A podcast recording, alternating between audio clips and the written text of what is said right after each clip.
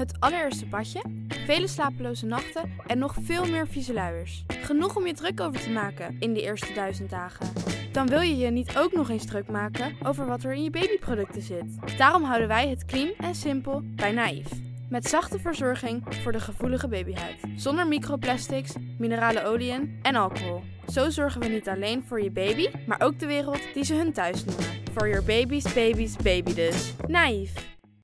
Van het enige varken in Afghanistan tot de spijbelpolitiek van Zweedse kinderen. De wereld, het boek dat wij samen met de Speld hebben gemaakt, is nu in de voorverkoop. Het is de meest betrouwbare landengids der landengidsen. Het beste boek dat je nooit mag gebruiken bij je eindexamen aardrijkskunde. Ga naar grotepodcastlas.nl slash boek, bestel hem en dan heb je hem eind juni in huis. Welkom bij de audioversie van de Atlas. Wij zijn drie geografen en in onze ogen is elk land de moeite waard. En hoe kunnen we zo'n land beter bespreken dan met gekke feitjes, mooie verhalen en kleine quizjes? Dit is de Grote Podcastlas.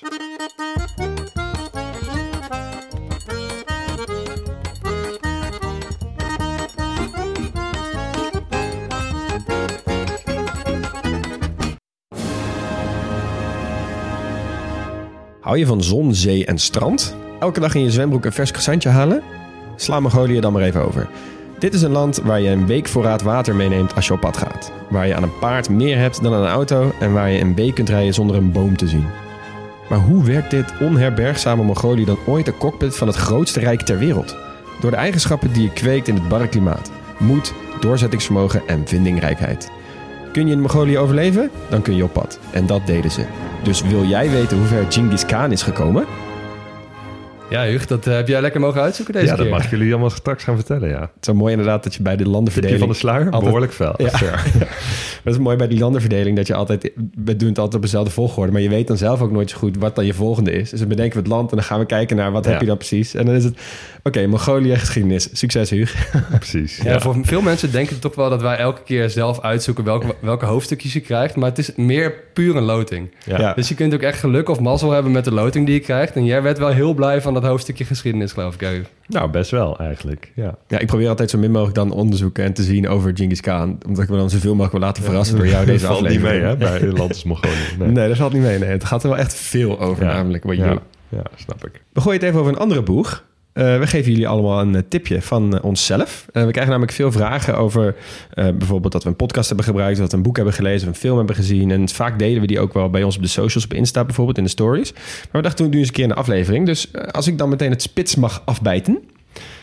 Ik was vorige maand jarig en toen heb ik een boek gekregen. Africa is not a country van Dipo Falogin. En het is echt fantastisch. Alleen de naam van het boek al is echt geniaal. Het is met superveel humor geschreven. En het geeft best wel een scherp inkijkje in de eh, hele koloniale geschiedenis van Afrika. Maar ook, het is niet...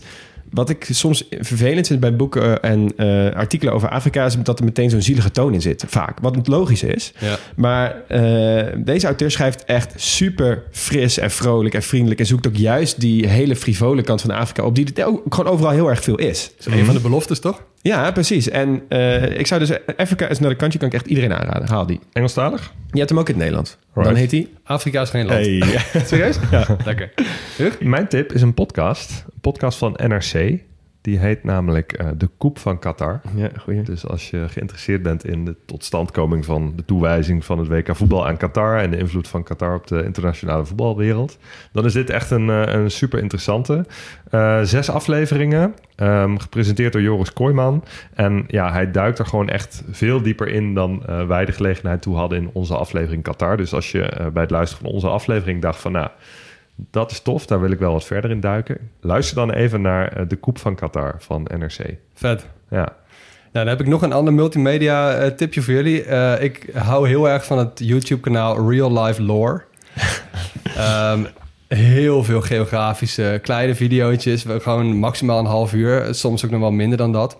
Maar alle dingen waar je... Eigenlijk als je deze podcast vet vindt, vind je dat... eh, vind je dat kanaal ook wel mooi. Dus ze hebben bijvoorbeeld ehm, eh, video's over waarom het Taiwan nou zo belangrijk is. Vanwege die chipfabrikant die ze daar hebben. Maar ook bijvoorbeeld een hele uiteenzetting van waarom er in Oekraïne oorlog is. Eh, met veel beeldmateriaal, dat is handig. Maar bijvoorbeeld ook dingen als hele grote rijken. Van wat zou er gebeuren als die nu weer bij elkaar zouden komen. Als die nu Ah, weer één ja. land zouden zijn. Waaronder ook die van Mongolië. Ah, oké. Oh, ja. Interessant. Ja, dus eh, ik ben wel heel benieuwd naar, dat, naar die video. Ik heb hem zelf nog niet gezien. Goeie Maar bron. het is echt een lekker kanaaltje. Nou, dan mogen we meteen beginnen, jongens. Mongolië. Wat een land. Ja. hey, even de ligging. Mongolië ligt ingeklemd tussen China en Rusland. En dat betekent dus ook dat zij maar twee grenzen hebben... voor zo'n gigantisch groot land als Mongolië. Ah, ja. Het scheelt 37 kilometer of ze hadden ook een grens gehad met Kazachstan. En dat betekent dat China en Rusland twee keer aan elkaar grenzen. ja. Dat is een heel klein stukje. Ja. En in het oosten een heel groot stuk. Ja. En Mongolië ligt daar dus tussen. Nou, oppervlakte, ehm, ingeklemd tussen reuzen ligt het natuurlijk. Maar Mongolië is zelf eigenlijk ook best wel een kleine reus. 37 keer Nederland. Dat scheelt ook niet veel met Iran. Maar het is wel een reus en een van de meest onherbergzame stukjes aarde. Er wonen maar 3,3 miljoen mensen. Ja, echt bizar weinig voor zoveel. Ja, Een van de dunst bevolkte landen ter wereld. het ook. dunst bevolkt Het land. bevolkte Ja, Ja, nice. lekker feitje. Ja. Nou, hoofdstad, ehm, dik anderhalf miljoen mensen wonen er in Ulaanbaatar. Of Ulaanbaatar, weten jullie eigenlijk wat het is? Nee, ja, Nee. ik heb het dus opgezocht. Maar er, zijn dus, er is niet één manier van het uitspreken. Je Oh, dat is handig. Ulaanbaatar en ook Ulaanbaatar. Ja, Dus het is gewoon ja, onhandig, Cyrillisch, vertaald, Nederlands, dat Ja. soort dingen. En ze spreken het zelf volgens mij ook op verschillende manieren uit. nou, we zullen misschien ook wel een paar verschillende uitspraken hebben deze, deze keer. Maar goed, de helft van het land ongeveer woont in die hoofdstad. Best wel, best wel veel. Ja, wel makkelijk. Ja, er is ongeveer ook maar één eh, andere stad met maar meer dan 100.000 inwoners. En dat is Erdenet. En eh, voor de rest zijn het gewoon allemaal hele kleine stadjes. Die ook allemaal best wel dicht bij elkaar liggen volgens mij. Nou, wel redelijk verspreid over het land. Maar er zijn gewoon, ja, weet je, je kunt overal een stad stichten in zo'n groot land. Dus Ja, eh, ja. er zijn heel weinig stukken waar echt helemaal niemand woont. Ehm, maar ja, het zijn gewoon hele kleine plaatsjes. Ja. Ja.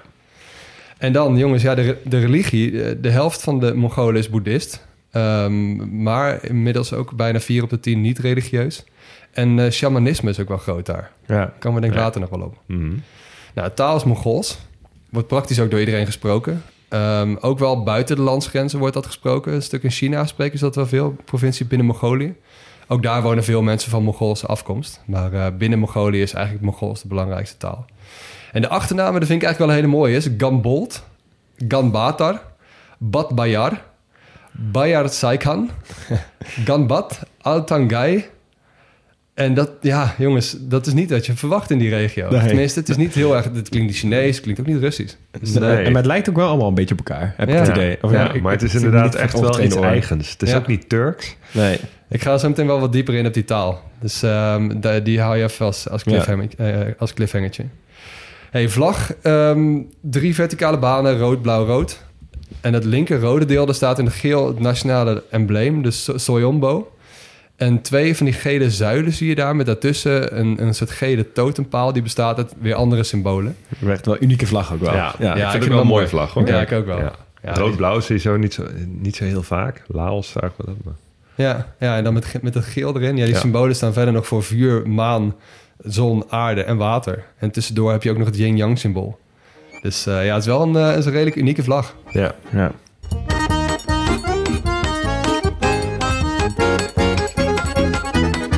Hey jongens, we bespreken vandaag een land van anderhalf miljoen vierkante kilometer.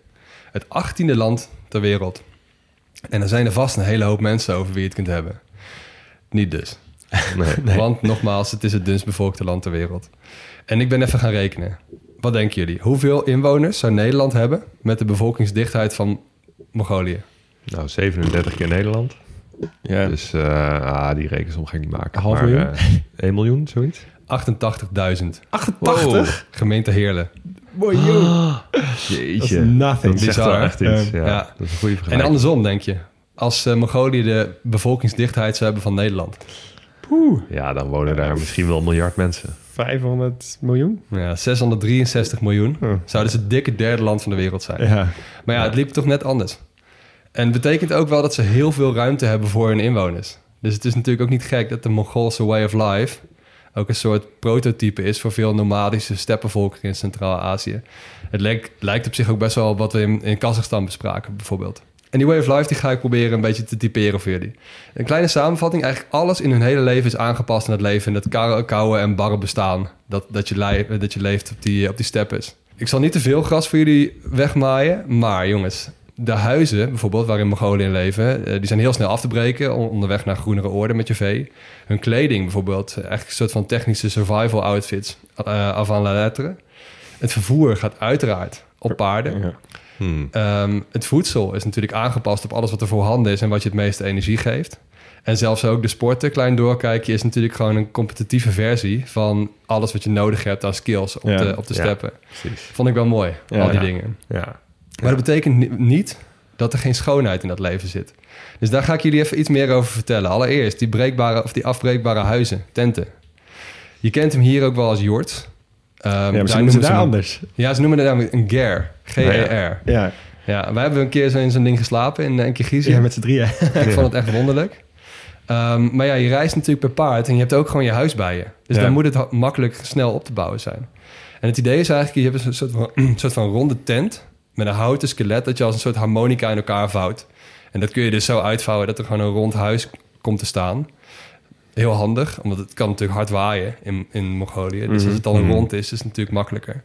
En vanuit daar, die staan als een soort van ronde tentvorm, staan ze, staan ze rechtop. En dan gaan de stokken, die gaan allemaal richting het bovenste middelpunt.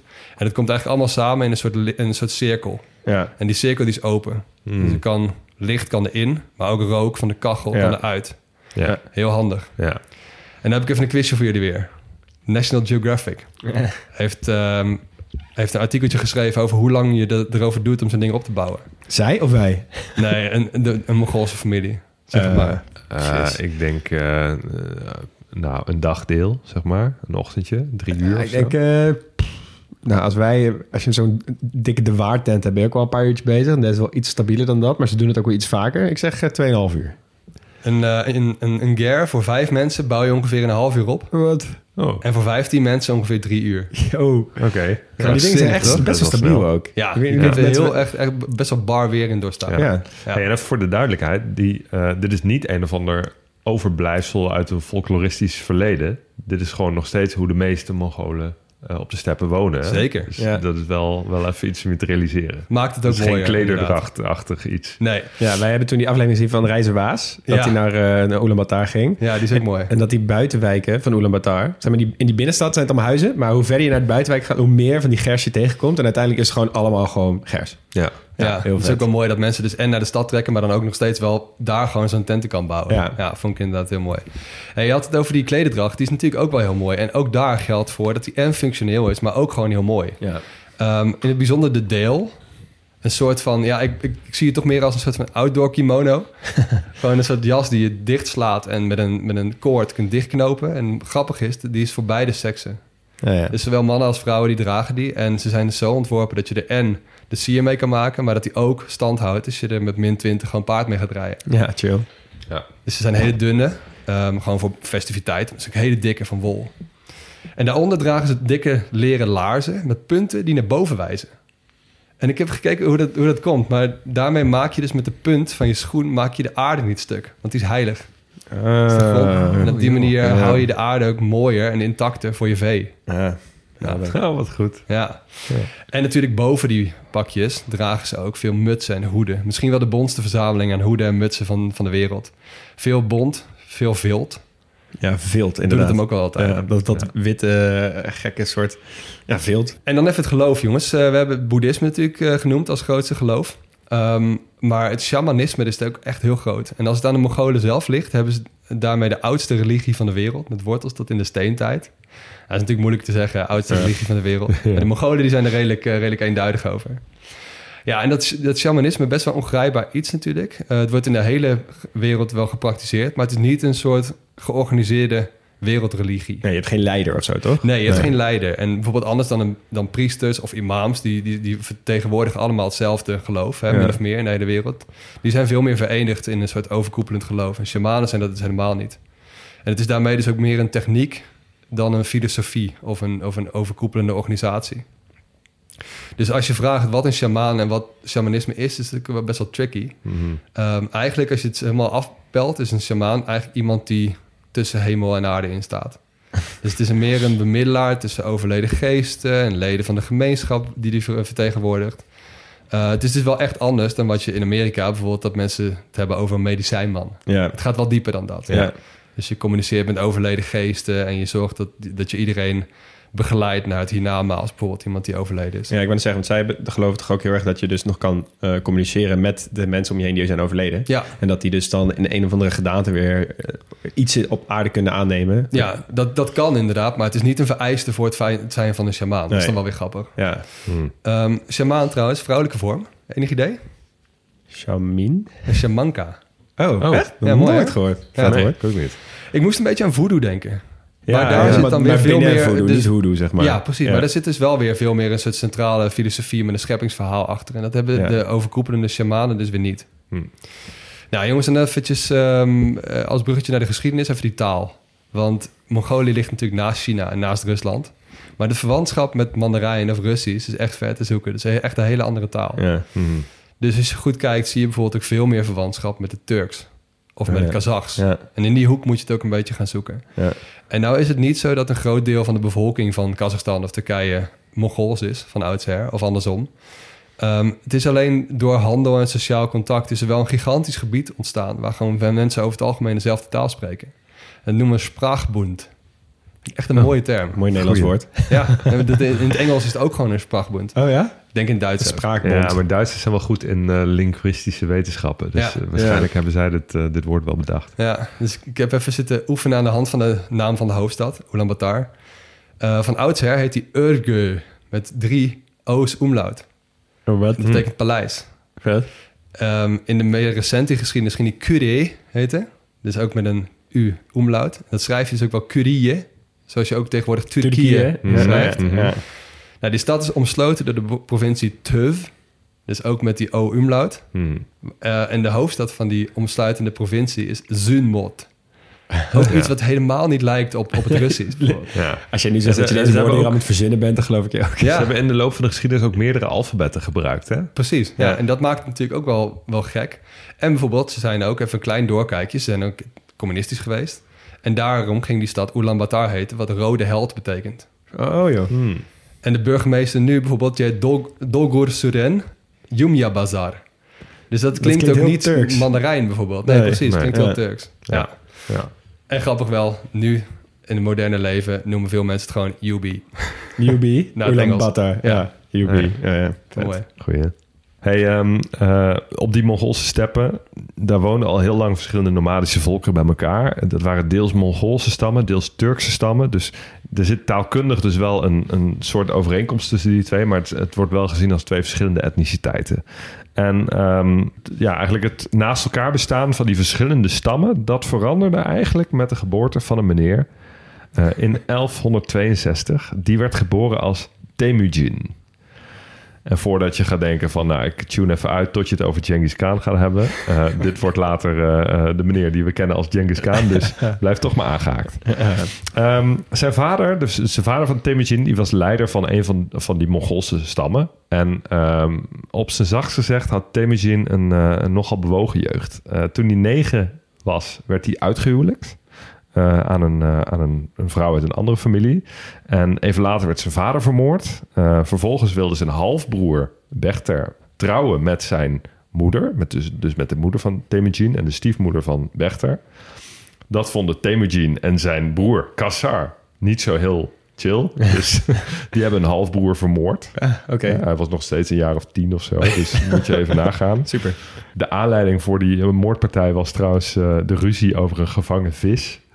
Wat? Dus ja, Dat vroeger echt weinig nodig, hè, om de hersens van je halfbroer in te slaan. best wel. Dus, eh, nou goed, die Mongoolse stam waar ze bij hoorden, die was al klaar met al het gedoe in die heersende familie. Dus ehm Temujin, Kassar, dus zijn broer, en hun moeder werden verbannen met z'n drieën uit die stam. En eh, nou, die uithuwelijking van Temujin ging dus ook niet door. En ze leefden volgens met z'n drieën eh, echt een, een heel arm, afgelegen nomadisch bestaan op de steppen. En Temujin die leerde van zijn moeder hoe die moest overleven in, eh, in de barre Mongoolse omstandigheden. En ja, dat heeft hem wel gehard als mens. En hij was ook een snelle leerling. Eh, hij werd ook al snel gezien als een jongen die ja, super vastberaden was. En eh, nou, heel erg gehard was door de jeugd die hij Ja. had meegemaakt. Toen hij 16 was, toen trouwde hij met een vrouw uit een andere stam. En langzaam klom hij weer een beetje omhoog in de maatschappij naar een wat meer leidende positie weer. En eh, andere lokale leiders die zagen eigenlijk al snel van... oké, dit is best wel een bijzondere man. Ehm, Uh, hij, hij ontpopte zich echt als een, een charismatisch leider. En uh, hij week in één belangrijk opzicht af van andere leiders. Namelijk dat hij eigenlijk open stond voor iedereen om hem heen die talent had en die loyaal aan hem was. Ook als dat vroeger vijanden of concurrenten waren. Dus als er een concurrerende leider van een andere stam was, uh, met wie ze ruzie hadden, uh, en hij versloeg die, dan uh, kon hij vervolgens heel goed bevriend raken met die andere leider. als hij ziet van, oké, okay, maar jij kan heel goed een leger aanvoeren, of je kan heel goed boogschieten of paardrijden, of ja, wat dan ja. ook. Ja. Um, dus die liet hij dan eigenlijk toe tot zijn inner circle. En op die manier verzamelde hij eigenlijk een heel legertje van loyalisten om zich heen. Dat is knap. Dat is een beetje wat jij, uh, wat Max vorige week vertelde in de Seychelles. Die, uh, die zeebattle tussen de Britten en die Fransen die ja, elkaar versloegen. En dan op het strand gingen chillen met z'n tweeën. Ja, dat gewoon ontzag meer of belangrijker is dan gewoon emotionele ja, tegenstellingen. Ja, ja en hij was dus ook gewoon echt een hele slimme diplomaat. En um, uh, hij slaagde er als eerste in om, om die nomadische volkeren in het gebied wat we nu kennen als Mongolië te verenigen tot één land onder zijn leider. En uh, hij kreeg daarom de naam Genghis Khan. En dat betekent gewoon grote leider. Oh ja. een Khan is een soort koning. Ja. We hebben het in Tajikistan ook al gehad over kanaten. Dat Ja, zijn ja. koninkrijkjes. En Genghis is, is groot, dus de grote leider. Nou, en het verenigen van Mongolië was uh, nog niet genoeg. Want uh, onder Genghis Khan begon het Mongoolse Rijk zich enorm uit te breiden. Uh, op het hoogtepunt, toen uh, Genghis Khan al dood was trouwens, toen uh, liep het van de Donau in het westen, dus echt tot aan Budapest, tot aan Korea in het oosten. Bizar. echt krankzinnig. Unit groot, jongen. Ja, het was het, het grootste aaneengesloten rijk dat ooit heeft bestaan. Ja. Gewoon nog Alleen steeds, het- toch? Als in, het is nog steeds het grootste rijk Ja, ooit. ja, alleen het Britse Rijk is groter geweest. Maar goed, dat was natuurlijk bestond uit overzeese gebieden. Dit was Ja. echt één continentaal eh, eh, gebied. Ja. En dat is, is nooit meer voorgekomen. Ehm, nou, hoe kan dat nou? Nou, ze hadden ten eerste wel een beetje de mazzel dat de volkeren om hen heen op dat moment niet zo heel sterk en goed georganiseerd waren. Dus dat helpt. Er was bijvoorbeeld geen groot Romeins Rijk op dat moment als tegenhanger. We hebben het over de, over de 12e eeuw. Dus dat waren eh, ja, in, in Europa de middeleeuwen en op veel plekken ehm, in ieder geval een tijd zonder hele grote rijken. Ehm, maar ze waren zelf ook gewoon echt heel goed in oorlogsvoering. Het waren echt uitmuntende krijgers. En dat komt weer omdat ze als nomadisch volk, ze reden allemaal paard. Dus het leger bestond eigenlijk alleen maar uit cavalerie. Dus dat maakte ze heel wendbaar. Ehm, Ja, en eh, fucking snel. en supersnel. Ja. En, eh, ze, ze konden allemaal met pijl en boog schieten om, eh, eh, om wild te vangen. Ja. Eh, nou, dat kan je natuurlijk ook, ook gebruiken om, eh, om mensen te vangen. Ehm, ze hadden supersterke bogen. Ze konden met eh, één arm 80 kilo trekkracht eh, opbrengen bij het spannen van een boog. Oké. En als gevolg daarvan kon die pijlen 300 meter ver vliegen. Dus ja, je kunt je voorstellen, eh, ridders met, met zwaarden zijn Ja. volkomen kansloos dus, tegen een legertje eh Mongolen op paarden. En stel je Ja. voor, hè, 80 kilo trekken met één arm, terwijl je op een paard rijdt. En dan ook nog eens moet mikken op een poppetje 300 meter verderop. Ik kan me echt wel voorstellen dat je er gewoon iemand bent, een inwoner van een of andere Midden-Oosterse stad. En dat je ineens zo'n leger binnen ziet trekken. Ja. Dat je denkt, denkt van, wat, doe, wat is dit buitenaards of Ja, zo? dit, was, dit is Ja. die periode natuurlijk dat die stadstaatjes een beetje met elkaar aan het battelen waren in Europa. Dus dan ging je gewoon zo buiten de stad chillen met je leger. En één keer dezelfde tijd Ja. gooide je gewoon zo'n ja, een soort steen naar, die, Ja. naar de stadsmuur. Zo, we willen, willen naar binnen. En nu zag je in één keer van Ja. veraf een stofwolk opkomen Ja. met duizend Mongolen op Het is, paarden. het is een beetje vergelijkbaar met, denk ik, dat eh, eh, Nederlanders in de VOC-tijd zo dominant konden zijn, omdat we gewoon heel goed konden zeilen. Want Mhm. zeilen was een soort. Eh, ja, dat, dat deed je gewoon in Nederland. Dus dat, dat leerde eh kinderen leven uit welgestelde familie van, van huis uit. Ja, maar iemand aan de andere kant van de wereld dacht echt van... wow, jullie hebben boten. Ja, En jullie zijn daar super snel mee. ja, precies. Maar dat, dat was echt de kunst natuurlijk. Zo'n schip in de juiste positie krijgen. Zodat je... Dat is natuurlijk niet alleen maar mikken en schieten. Dat is Nee. ook gewoon goed kunnen zeilen. Goed de wind. Nou, zo, zo geldt het ook voor die skills. Hè, die life skills waar jij al over had van, eh, van het Mongoolse volk. Ehm, de favoriete Mongoolse tactiek was die van de hinderlaag. Eh, dus wat deze eerst aanvallen met een klein legertje, dan doen alsof je afdruipt en geschrokken bent. En eh, als de vijand denkt van oké, we hebben jullie, eh, we komen achter jullie aan, dan spring je met z'n allen uit de bosjes en dan hak je ze echt gigantisch in de pan. ja, en dat werkt keer op keer. Zij waren eigenlijk een beetje de Arjen Robben van de overname-tactiek. Je weet wat ze gaan doen, maar toch val je ook precies, weer ja, Ehm, nou, naast die militaire kracht was Genghis Khan dus ook, ook een hele goede diplomaat. Hij respecteerde dus ook leiders van verslagen volkeren en wist eh, eh, die leiders ook voor zich te winnen. Dat helpt natuurlijk. Ehm, dat is makkelijker dan iedereen maar onderdrukken. Ja. Hij was bijvoorbeeld ook een voorstander van diversiteit in zijn rijk. Eh, voorstander van vrijheid van godsdienst. Gaf gebedshuizen van andere religies, zelfs belastingvoordelen. En ja, die verslagen volkeren die konden dat wel waarderen. En die vonden het ook wel best, die Mongoolse overheersing. Want eh, daarvoor was het ook niet alles. Het was een tijd van kommer en kwel... waarin eh, voortdurend de ene oorlog naar de andere... iedereen hakt elkaar in de pan. Dus ja, zo'n sterk eh, rijk... Dat, dat bracht eigenlijk een betrekkelijke rust... en Ja. een Ja. toename van de welvaart. En eh, dat fenomeen staat ook wel bekend als de Pax Mongolica... De, Oh ja, de, ja. Mongoolse vrede. vernoemd naar de Pax Romana... naar een vergelijkbare periode in het Romeinse Rijk... waarin Ja. ook onder de stabiliteit van het Romeinse Rijk... Nou, cultuur best wel kon opbloeien en economie. Ehm, wat ook wel bijzonder was aan het eh, Mongoolse Rijk... dat Mongoolse leger dat kon niet ehm, buigen of profiteren... op enorm veel culturele of wetenschappelijke ontwikkeling. Zoals bijvoorbeeld wel de Egyptenaren en de Grieken en de Romeinen en de Ja. Perziërs.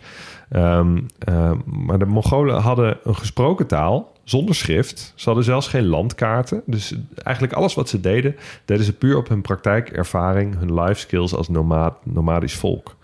Ehm, op een gegeven moment hebben ze maar het Oeigoerse schrift, dus een, een Turks schrift, geadopteerd omdat het toch wel handig was om bijvoorbeeld orders te kunnen opschrijven en die te verzenden. Ja. Ehm, Terug te kunnen sturen waar je precies bent. ja, en ze tuigden een, een postsysteem op over dat rijk. Ja, dat is natuurlijk wel, wel logisch als Ja. je in, in Korea moet vertellen wat ze in eh Budapest moeten gaan doen. Ja.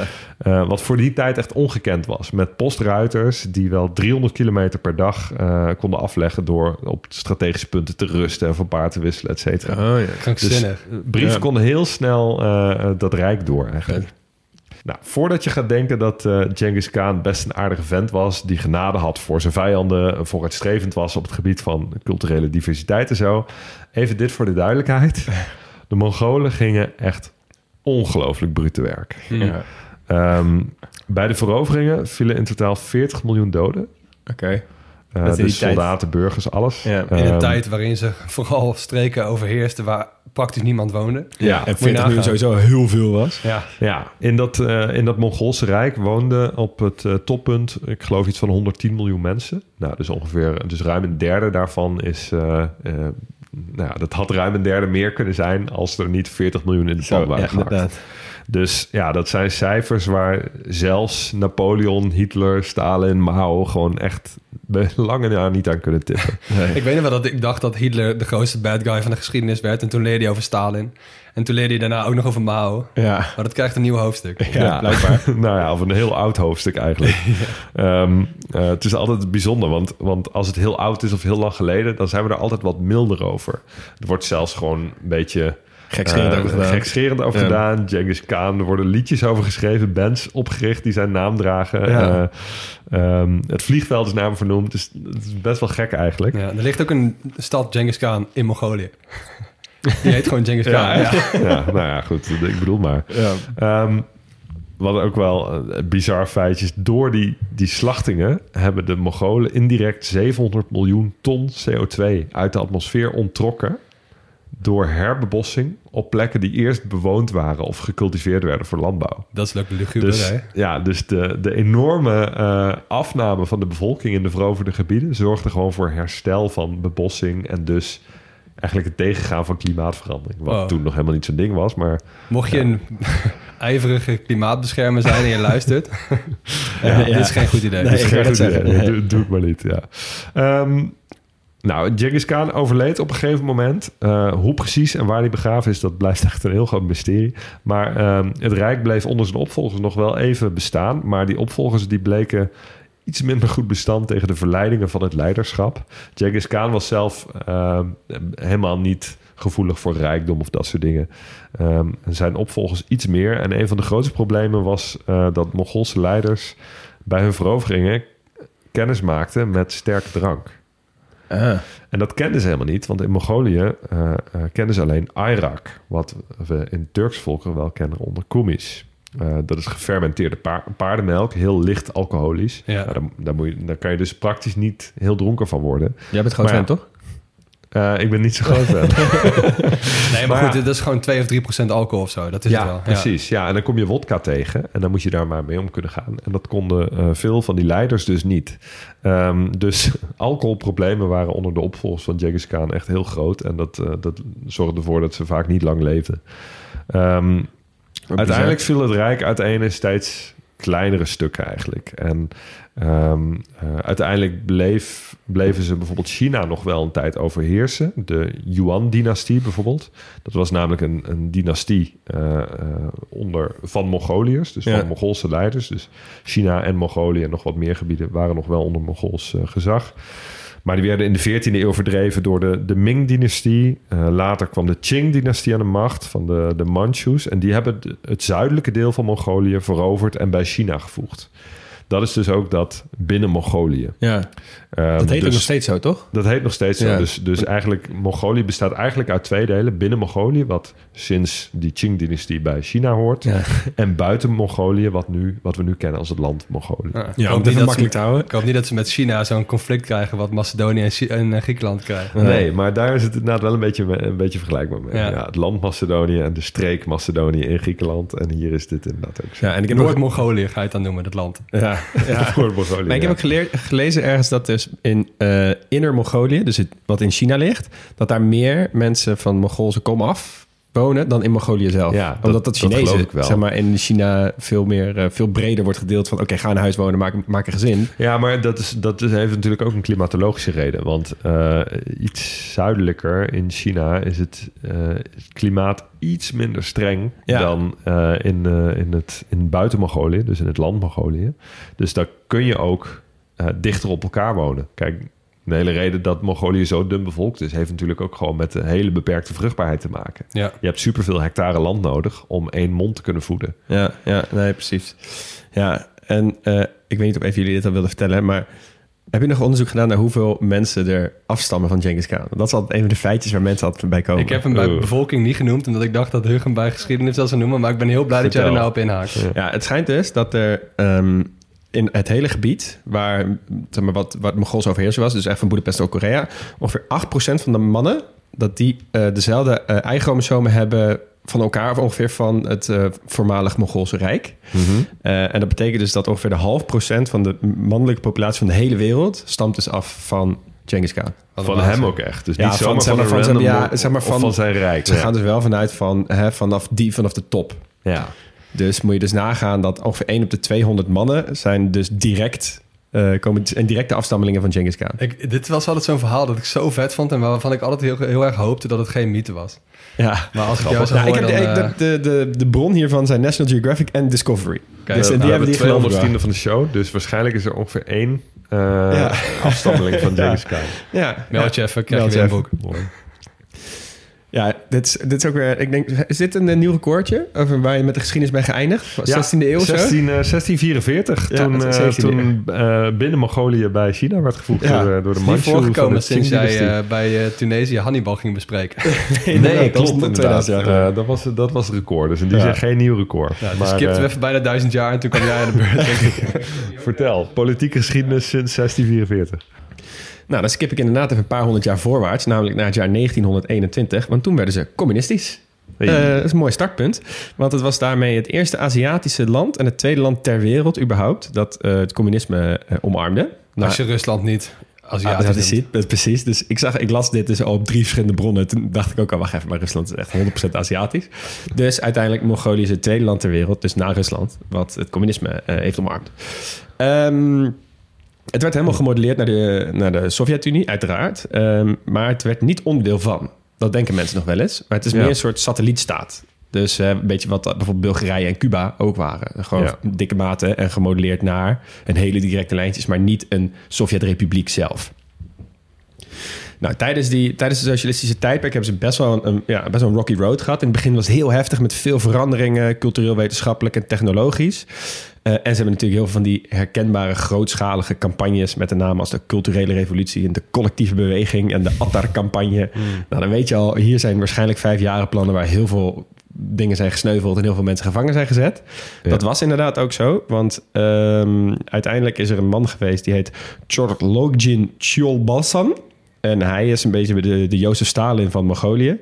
Die heeft een beetje in de jaren voor de Tweede Wereldoorlog... heeft hij zo'n eh 5% van de bevolking van Mongolië eh geslachtofferd... Voor, met dit soort plannen. Eh, en daarvan was het grotendeel... dat waren boeddhistische lama's... Eh, en dat is dus best wel lang. Eigenlijk die hele periode van het communisme is dat allemaal eh, niet naar boven gekomen. En dat werd uiteindelijk in, eh, in 1991 is het eerste massagraf opgegraven van 10.000 monniken. Wat echt best wel heftig is. Eh, en eh, toen zijn ze ook echt dat een beetje geopenbaard hoe erg het allemaal was. En ze hebben allemaal kloosters ook vernietigd back in the day. En eigenlijk zijn ze er nu een beetje achter gekomen dat die periode, dus vlak voor de Tweede Wereldoorlog, tussen ongeveer 1937 en 1939, eigenlijk heel Mongo dat hele culturele landschap van Mongolië voor altijd is veranderd. Ja. Hmm. Ik las inderdaad ook ergens dat ze iets van tienduizenden ehm, eh, boeddhistische lama's inderdaad hadden. En dat er dan paar jaar later waren er nog maar honderd over of zo. Ja, en daar zijn ook heel Ja. veel gevlucht natuurlijk. Dus dat is, dat is uiteindelijk is dat hele land daar dus echt oprecht gewoon compleet veranderd. Nou, die guy die ging dus dood in 1952. Ehm, wederom weer een goede parallel met Stalin, die zelf dood ging in 1953. Eh, en toen is het eigenlijk best wel rustiger vaarwater terechtgekomen. Ze werden in 1961 ook bijvoorbeeld lid van de Verenigde Naties. In de 30, 40 jaar daarna is het relatief rustig gebleven in het land. Nou, fast forward naar 10 december 1989. Dat is een maand na de val van de Berlijnse muur. En dit is altijd een superleuke periode in oud-Sovjet-landen. In ieder geval die Ja. heel erg gere- gelieerd zijn aan Rusland. Ja, Ja. er gebeurde in elk land wel iets. Gebeurde in elk land wel iets. Zo ook dus in Mongolië. Eh, je had de studentenleider Sanya Surenjin Zorich. Zorich. Ehm, hij leidde een groep van ongeveer 200 activisten in een openbaar protest. En zij wilden vrije markteconomie en vrije verkiezingen. Zoals eigenlijk wel vaker hè, bij die oude Mhm. socialistische landen. Ehm, en eh, daarmee gingen ze steeds naar het plein toe in Ulaanbaatar. En steeds opnieuw eisten ze eigenlijk gewoon hetzelfde. En eh, het werd steeds groter, steeds meer mensen sloten zich aan. Tot op een gegeven moment die communistische regering dacht van... ja, wacht even, als we dit door laten gaan... dan gebeurt bij ons hetzelfde als in Duitsland en al die andere landen. Ja. Eh, dus wij moeten ingrijpen. En toen ontstond er een gigantische spanning op het Soekbatarplein. En leek het echt in alle fronten uit te lopen op een, zeg maar een rechtstreekse confrontatie tussen die studenten en die, ehm, en die eh, politie en het leger dus ook. En wat die Zorrig toen heeft gedaan, hij is toen, eh, heeft een megafoon gepakt, is op de schouders van een paar vrienden gaan zitten en heeft toen keihard opgeroepen: Yo, als je voor ons bent, ga dan zitten. Wees niet eh, gewelddadig. Ga zitten als Oh, ja. je voor ons bent. Als je Mhm. voor Vrij Mongolië bent, ga zitten. En dat was super succesvol. Er gebeurde daardoor helemaal niks. En die Oh. foto Oh, ja. van hem op die schouders eh, is echt een super beroemd symbool nog steeds voor vreedzame revolutie in Mongolië. Ik krijg een Oh, beetje zo'n vibe van de studentenprotest Ja, in, precies, eh, in, in China. Het Tiananmen. Precies, ja. ja. Dat, daar heeft het ook echt best wel wat van weg, zeg Hetzelfde maar. jaar ook? Alleen heeft het hier... Ja, alleen heeft het hier wel een iets ander gevolg. Want eh, een maand later is het politbureau opgestapt. Eh, en kwam er een einde aan het eenpartijstelsel in Mongolië. oh ja. Dus eh, die zorg, die wordt echt gezien als een soort van... Oh ja, als het niet aan hem had gelegen, had alles totaal anders kunnen aflopen. Helaas voor Ja. hem is hij later, jaren later wel vermoord. En is die moord eigenlijk nog steeds niet opgehelderd. Want hij werd echt geliefd door vriend en vijand. Omdat hij de hele tijd probeerde om tegenstanders bij elkaar te brengen. Ehm, maar eh, de uiteindelijke winnaar van dit alles is de Mongoolse democratie. Want sindsdien zijn ze eigenlijk be- best wel aan de weg getimmerd. Ook qua persvrijheid zijn ze best wel goed bezig. En ze scoren op dat Freedom House, ken je dat? Dat kan je altijd heel makkelijk een overzichtje krijgen van... oké, hoe goed scoren ze op een soort democratische ladder? Ze kijken altijd naar persvrijheid en zo Mhm. en oppositievrijheid. ja. En eh, zij scoren heel goed, 84 uit 100 punten. Dus eigenlijk zijn ze best wel een baken van democratie eh, in, die, in die regio. Redelijk vreedzaam Alright. verlopen. Ja. Ja.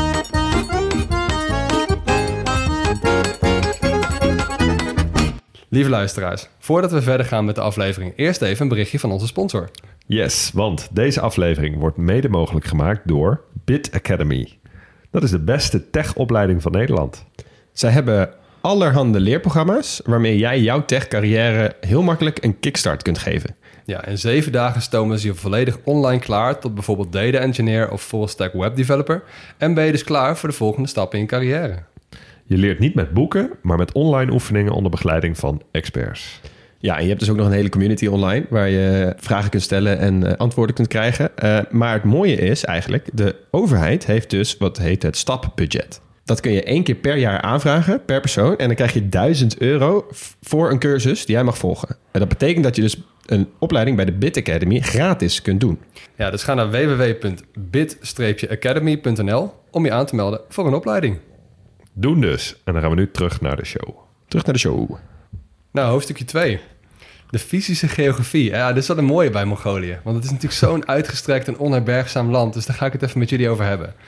Eerst even beginnen met een feitje. Het feitje die je wist dat zou komen. Ulaanbaatar is de koudste hoofdstad ter wereld. Ja. Oh ja. Krankzinnig, toch? Oh. En deze gaat echt nog wel een keer terugkomen in de pubquiz. Maar Sowieso. gemiddeld of in extreme? Gemiddelde temperatuur over één jaar. Oh, 0,4 graden. Wow, ik dacht dat het daar namelijk in de zomer best wel warm kon worden. Dat is het ook. Maar in de winter is het gewoon zo koud dat het niet uitmaakt. Ja. Ja, ja want ja, ook hier, ik heb dus even zitten rekenen. Gemiddelde dagtemperatuur in de zomer, eh, let even op, 24, eh, 24,5 graden. Wat? Dat is warmer dan hier, hè? Ja. Veel warmer ja, dan hier. daarom landklimaat. Ja.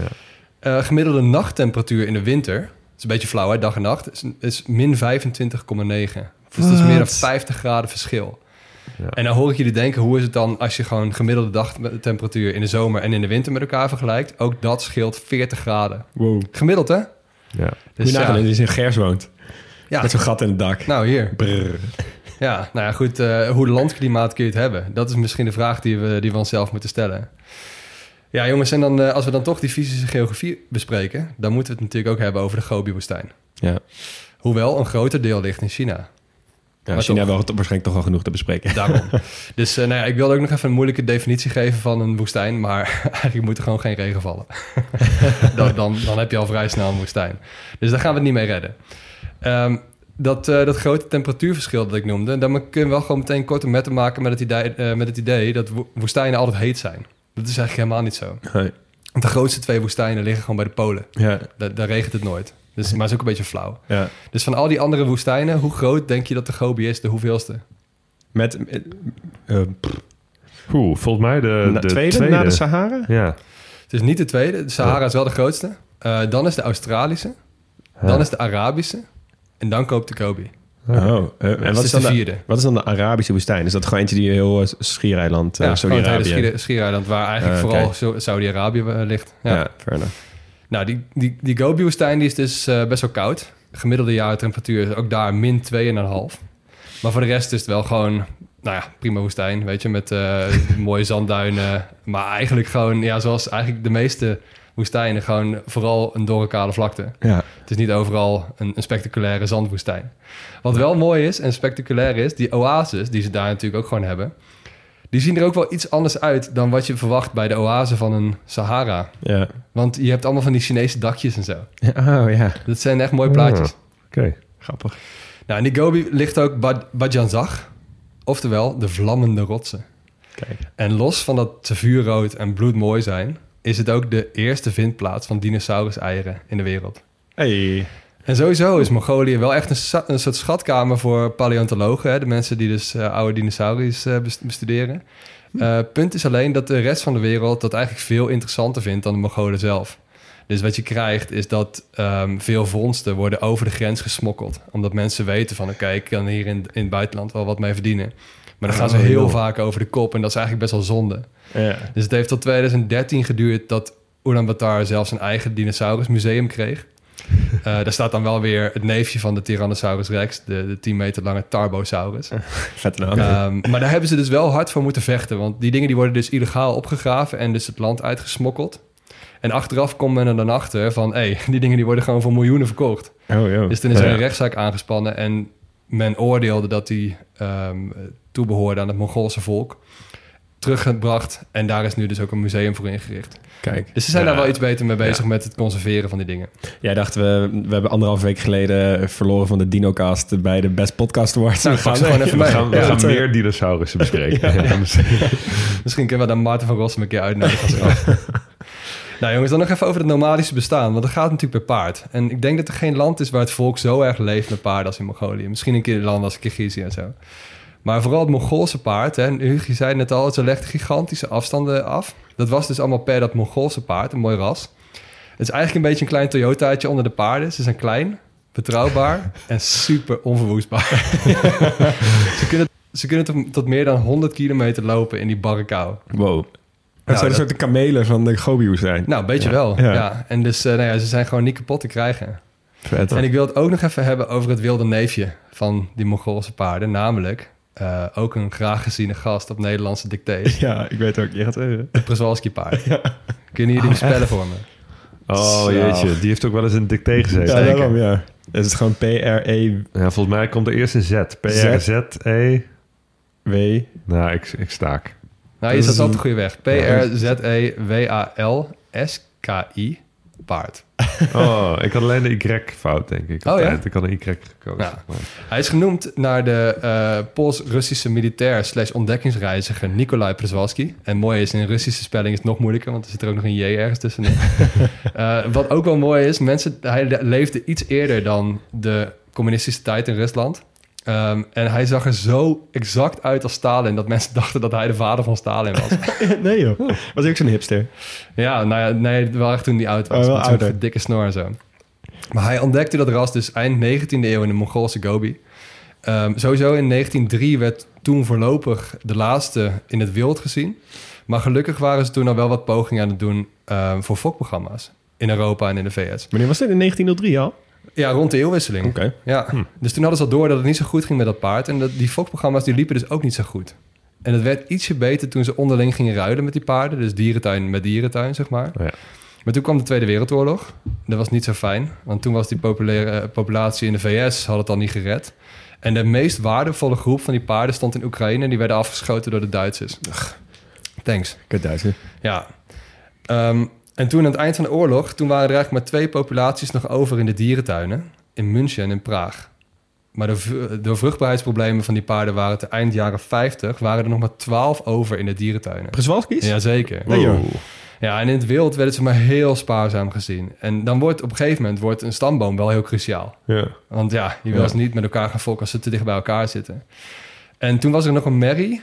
Die hadden ze tien jaar geleden ergens in het wild gevangen... en in gevangenschap gehouden buiten die, eh, buiten die dierentuinen.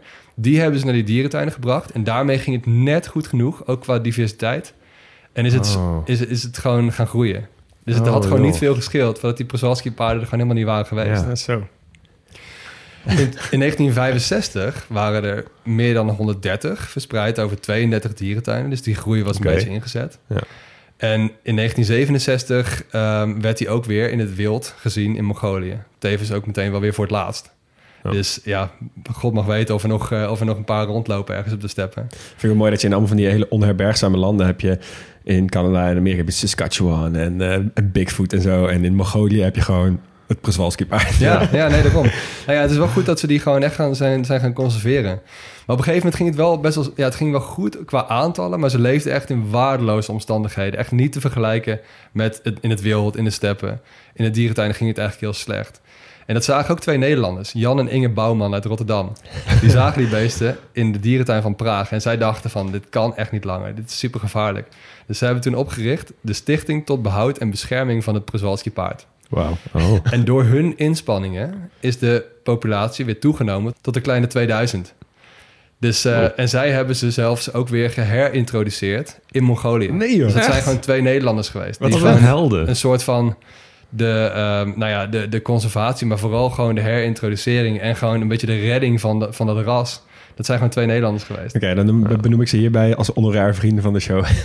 Ja, precies. en Jan, vrienden van het Jan en Inge. Bouwman. Ja. Nou, dan kom ik bij een lastiger hoofdstukje. eh, want toerisme, ja, eh, het lastige van zo'n nomadisch volk is dat ze houden van steppen en vlakte Ja. en natuur. En dus niet van gebouwen en steden en kathedralen en prachtige dingen. Dus Ja. We hebben trouwens net niet genoemd, maar een van de modus operandi van die Mongoolse eh, groepen strijders en ruiters was alles met de grond gelijk maken. Dus hij liet ook echt zo'n spoor van, van steppen, omdat ze dat het mooiste natuur vonden, lieten ze achter. Ja. Ehm, en ze hebben tegenwoordig hun, eh hun toerisme-slogan is Mongolia nomadic by nature. Nou, dat zegt, vind ik altijd best wel veel over de richting met, Ja. wat voor, met wat voor toeristen je te maken wil hebben, zeg maar. Dus ze hebben niet zo heel veel toerisme. Het was sowieso extreem beperkt tijdens de socialistische regeringen. Ehm, maar is dus na die eh, democratische revolutie in 1990 wel wat opgepakt.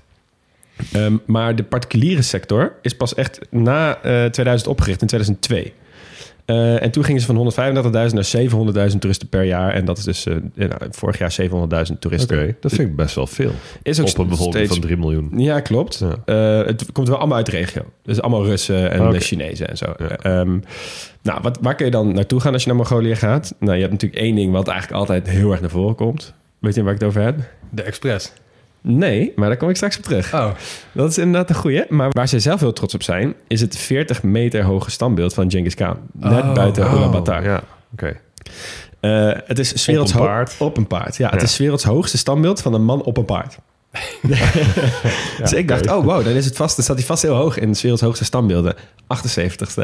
Oh, oké. Ja, ja. dus- 40 meter stelde ik niet zoveel voor. Maar Nee. mensen zetten gewoon niks op een paard zo hoog. Dat en zeg maar, alle plaatjes die je opzoekt online zijn allemaal vanaf kikkerperspectief genomen. dus het lijkt allemaal mokergroot. Maar dat is dan Ja, niet. en een, een, stam, een stambeeld van een man op een paard is natuurlijk per definitie eh, minimaal net zo breed als dat hij hoog is. Dus om dan heel hoog te zijn, moet je echt een heel breed standbeeld hebben. Ja, ik heb ook gehoord ja, dat best wel veel waait in. Mongolië. Dus ik zou ook niet veel hoger gaan.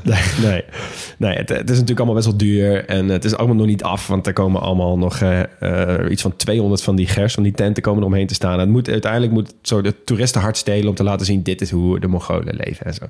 Nou, als je het hebt over gekke vergelijkingen... stel je voor dat Duitsland over 800 jaar... een standbeeld van 40 meter hoog van Hitler op een paard... of zo midden in het land zet.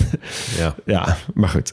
Als je in de hoofdstad bent, eh, wat best wel mooi is daar, dan moet je even naar het Gandan Chengling klooster gaan en naar het Nationaal Historisch Museum. Eh, dat is wel eigenlijk een beetje de highlights van uh, Ulaanbaatar. Je hebt sowieso wel best wel wat kloosters in de, in de omgeving staan. Die zijn dan wel mooi, maar uh, je bent er wel denk ik wel snel klaar mee. Dus dan ga je wel verder heel snel richting de national parks en de natuur en slapen in, in Gers. Ja. Hm. Uh, wat je hebt is uh, heel veel plekken op de bergen uh, en van die passen heb je zogenaamde ovo's.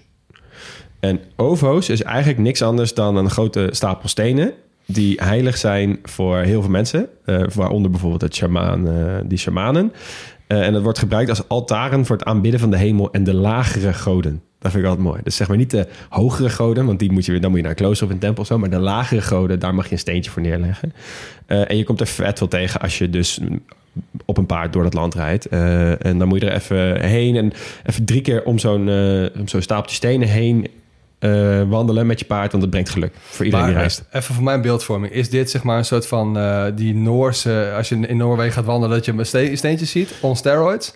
Ja. Of is het gewoon een mini-versie van de piramides in, in, in nee, Egypte? Nee, nee, nee, het is dat eerste. Oké. Okay. Dus maar er zit het ook in Tibet, hè? Dus het hangt Ja. ook samen met het, met het uh, Tibetaans boeddhisme. Precies, ja. Het is, zeg maar, het is meerdere dingen in één. Want die shamanen die gebruiken het bijvoorbeeld ook. Maar die Tibetaans, of uh, die uh, boeddhisten gebruiken het inderdaad ook. Ja. Ja. Nou, en dan uh, tenslotte, jij zei het al, Maxi. Een van de bekendste dingen die wij zouden willen doen, Zo. ooit nog, heel graag. Ja. ja de Express. Ja, ik krijg ja. meteen weer zin. Ja, kunnen jullie de grootste steden op de route noemen? Hoeveel wil je er?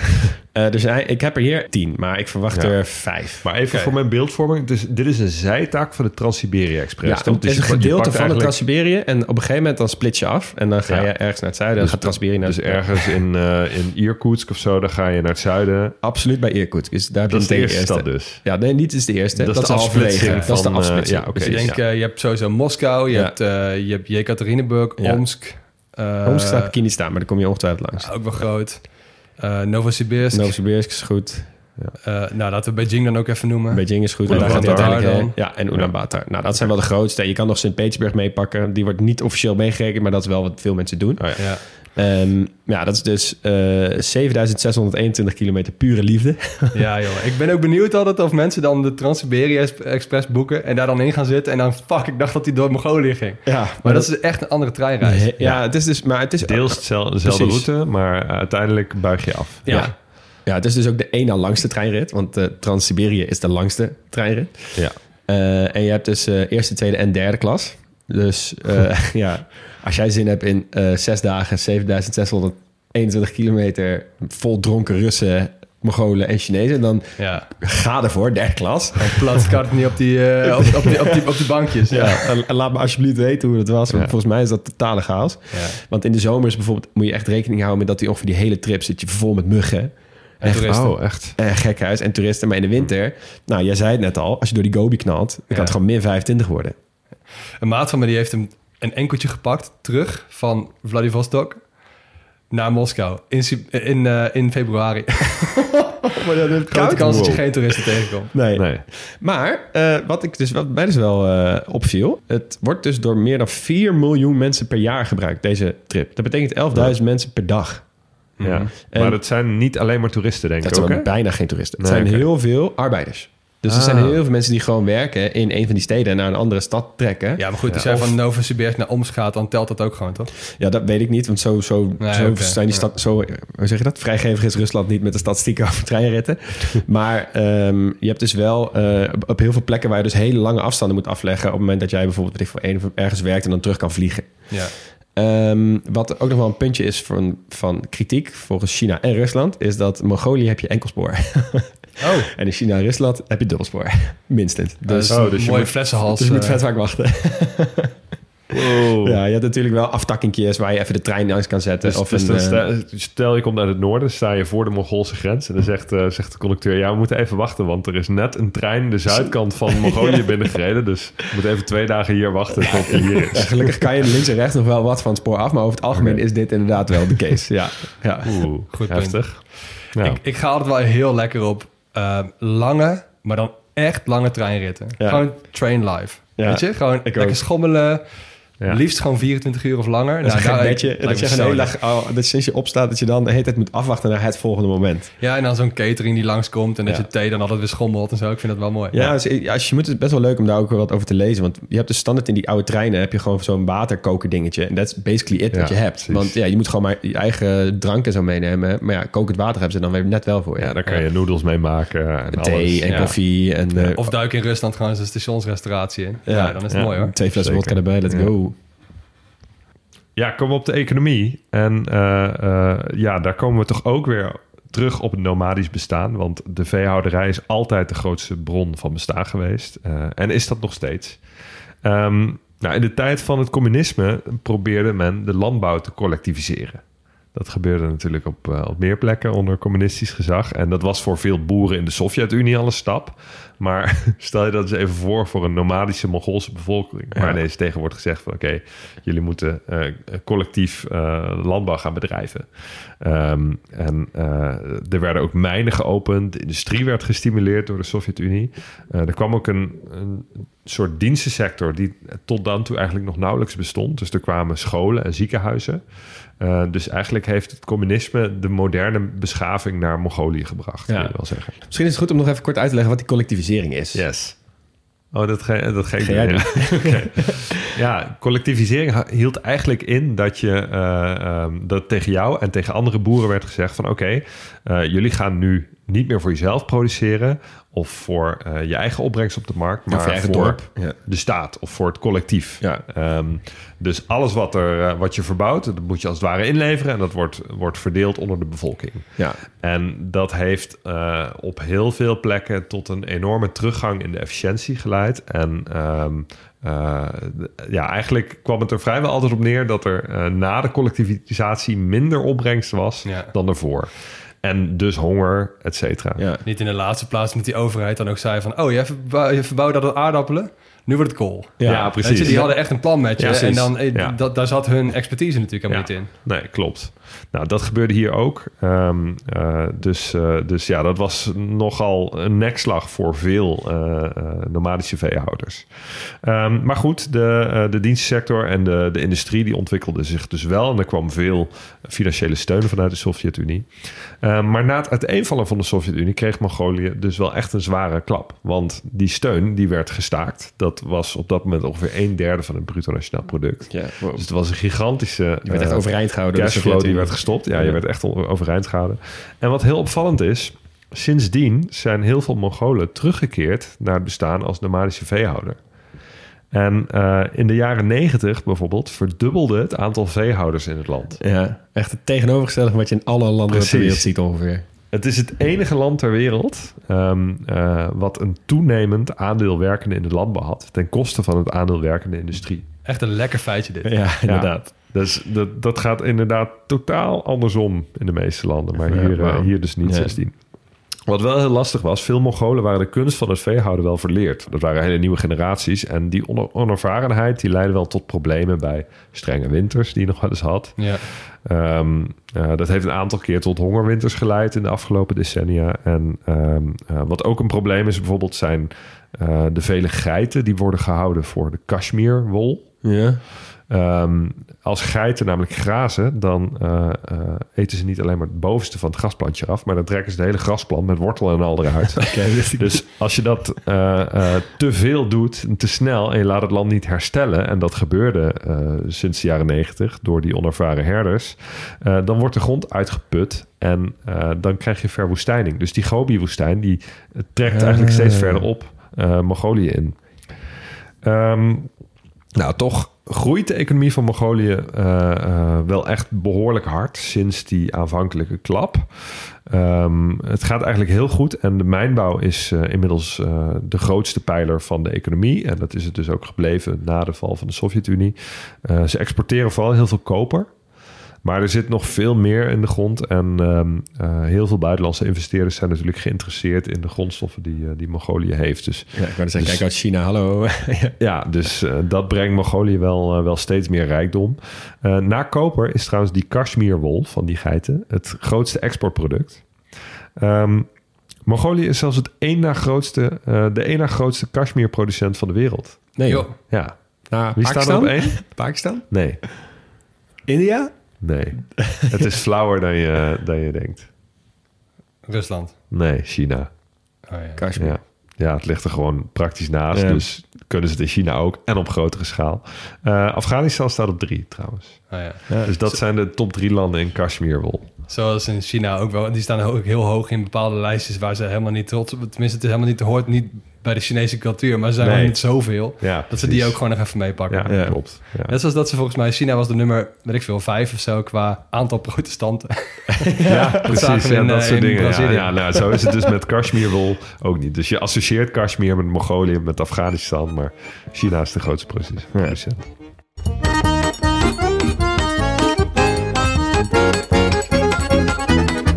hey, kunsthoofdstukje. We hebben echt al wel veel gezien wat, wat Mongolië mooi maakt. En wat het leven in Mongolië mooi maakt. Maar we gaan nog even kijken naar de dingen op kunstgebied. Vooral muziek. Maar eerst even... eh, we hebben natuurlijk pas de uitzending gezien van Tom Waas. Ja. Ehm, die ging naar vijf wereldsteden. Nieuwe, nieuw seizoen van Reizen Waas. En hij ging ook naar Ulaanbaatar. ja. Ja, vond ik sowieso wel cool. En Nog een gratis tipje trouwens voor, eh Ja, gratis tipje. en eh, wel mooi, hij ging midden in de winter. Nou, vind ik ook wel mooi. Daar heb je ook Ja. wel ja, respect Ja. voor hem. Maar volgens mij had hij had een positieve coronatest daar. Dus hij nog een tijdje in, eh in eh, hotel. quarantaine gezeten daar. Maar hij ging dus langs bij een soort school of een soort vereniging. En daarmee, ik bedoel, we hebben het toch ook over kunst. In dit geval is het de kunst van het onthouden. Want Mooi. die kids die waren daar goed in. En dat is een soort van nationale, ja, nationale bezigheid. En dat is ook gewoon, ja, ik Memory. vind het zo tof. Nou, als je nu denkt, even makkelijk een woord vergeten. Nee, hij bedoelt echt onthouden. Ja, Als in de kunst gewoon- van het onthouden. Je gewoon blind een, een Rubik's Cubus oplossen. Ja, precies. Ja, of gewoon een getallenreeks opnoemen tot Ja. duizend cijfers. Ja, nou, doe ermee wat je wil. Eh, ik vond het wel tof om te zien. Eh, nou, minder zin om het te gaan proberen. Zo. Ehm, maar ik vond, ja, het is toch wel een soort van defining experience. Ja, Dus, maar eh, het is best wel grappig om ooit een keer op in te gaan. Want je kan helemaal zo'n, ja, dat noemen ze in het Engels dan een memory palace oprichten. Waarin je dan eigenlijk in je hoofd maak je een soort huisje. En dan deel je dat huis helemaal in. En dan ga je dus achter elke deur zit dan 10 of 13 cijfers. En zo kan jij cijfers onthouden. Omdat je dan in je hoofd loop je dan bijvoorbeeld van de Oh, wc ja, ja. naar de Oh, keuken, naar de huiskamer. En elke plaats die je tegenkomt, heb, je dan voor jezelf iets van een aantal cijfers onthouden. Dat is niet meer zo'n brei. Nee, precies. En hoe meer je dat dus kunt doen in je hoofd, hoe beter je dingen kunt onthouden. Schijnbaar. Ik, heb, ik heb hier verder geen verstand van, maar... Vet. Nou ja, goed. Je kunt het ook doen als je gewoon muzikale ondersteuning gaat luisteren. Want dan heb je gewoon ook wat hoofdstukjes. Nou, ik ga je in ieder geval een paar, paar, paar deurtjes geven van het muzikale hoofdstukje. Want het, ja, Mongolië heeft echt best wel wat mooie muziekinstrumenten. En dat krijg je natuurlijk als je zo'n eeuwenoude cultuur hebt... die redelijk ehm, traditioneel is en leeft met de elementen. En die, die muziekinstrumenten die zijn ook echt nog van vroeger. Vind ik heel tof. Dus het nationale instrument is de morinkur. Oftewel de paardenviool. Oh ja, die Dus wel een gezien. strijkinstrument met een houten klankkast... en altijd een soort van uit hout gesneden paardenhoofd aan het eind. Wat? Aan het eind van waar, waar bij, bij de gitaar ook die, eh, die, die snaren in zitten, Ja. zeg maar. Ja. Dit is meer een soort cello ehm, met twee lange snaren. Dus ook geen, ehm, geen vakjes waar je in kunt, eh, hè, zoals bij een gitaar. Ja. Ehm, die twee snaren, de dikste die heeft 130 haren van een hengst. En de dunste heeft 105 haren van een merrie. Wow. En hij wordt gebruikt ook wel als een soort van kamelenfluisteraar. Dus er wordt heel zachtjes op gespeeld om de moederkamelen gerust te stellen als ze overstuur zijn. Oh, wat grappig. Maar die snaren zijn dus gemaakt van paardenhaar. Zeker. Want ja. bij een cello is, eh, de zijn de haren van de strijkstok gemaakt van Ik wil net zeggen, bij paardenhaar. een maar viool zijn de snaren dus gemaakt van, eh, ja. van eh, ja, tegenwoordig van nylon, geloof ik. Ja. Maar ja, nee, in dit geval zijn het grappig, snaren. Ja. ja. Nou, dat klinkt ongeveer zo. Werkt natuurlijk gewoon net zo goed. Ja.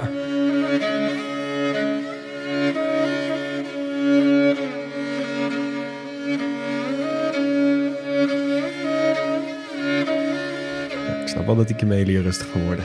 ja. Ik word hier ook wel Ja. rustig van. Maar ik, als je me zou hebben gevraagd... wat is dit voor een instrument... zou ik wel cello hebben gezegd. Ja, toch wel? Ja, Ja, want- dan zat ik toch want, goed. Ja, het is op zich ook logisch... Dat, eh, dat je een vergelijkbare klank krijgt...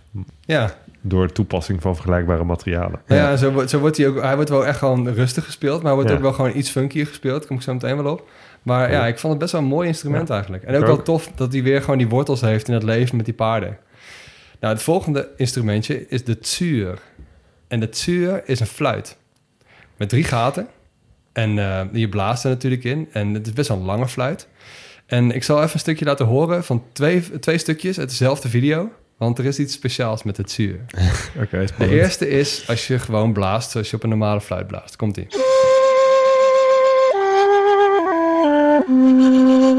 Oké. Oké. De tweede, het grappige is aan de tsuur dat je hem iets anders bespeelt dan een normale fluit. Want je doet de fluit eigenlijk in de ene helft van je mond en de andere helft van je mond, daar adem je mee. Dus je zingt en je fluit eigenlijk tegelijkertijd. Ah. Je hebt hem, die fluit als een soort van checkie in je mondhoek. Weet Oh, je? oké. Oh, ja. En dan krijg je dus een heel ander geluid, namelijk dit.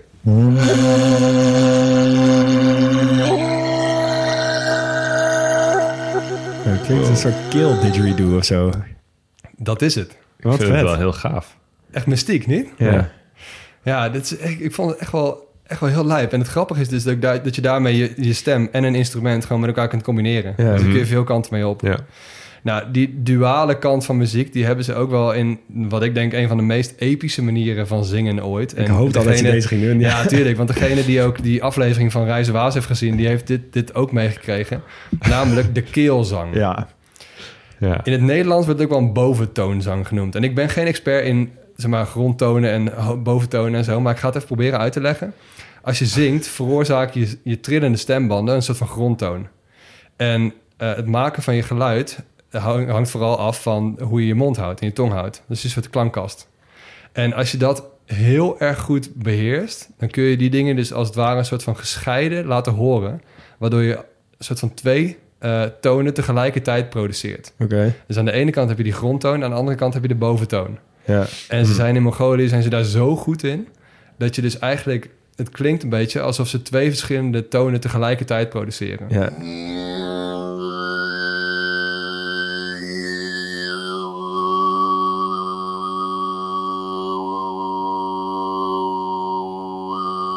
Vind het onwijs knap, maar ik word er niet zo blij van, deze klank. Nee, ja, je kunt het dus ook nog combineren eh, als je dus aan de ene kant op zo'n modern kuur speelt Ja. en aan de andere kant die, eh die keelzang hebt. En dat klinkt dus zo.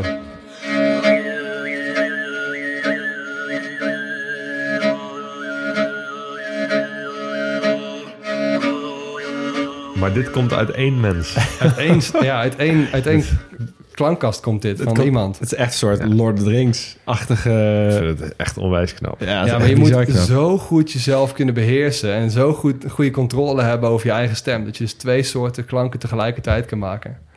Ja, ik, eh, ik, ik kan het nog niet helemaal bevatten, maar ik vond het zo lijp. Maar als je, als je dat 's ochtends onder de douche doet tijdens douching... of je dan de klankkast van de douche ook nog mee kan pakken... en jezelf helemaal gek maakt.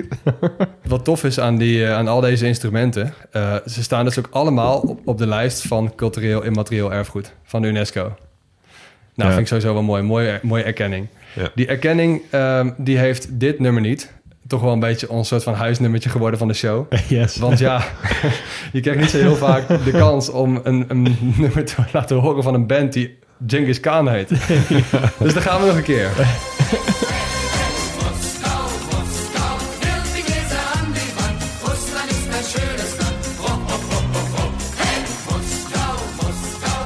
Ja, fantastisch. Heerlijk. Ja, Liedje van de show. Ja.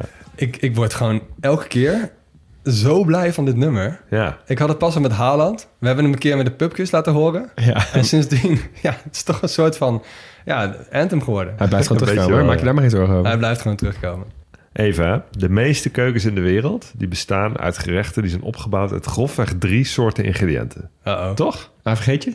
Ja, precies. Je hebt een eiwitrijk ingrediënt. Dus vaak eh, dierlijke producten zoals vlees, vis, kaas of zuivel.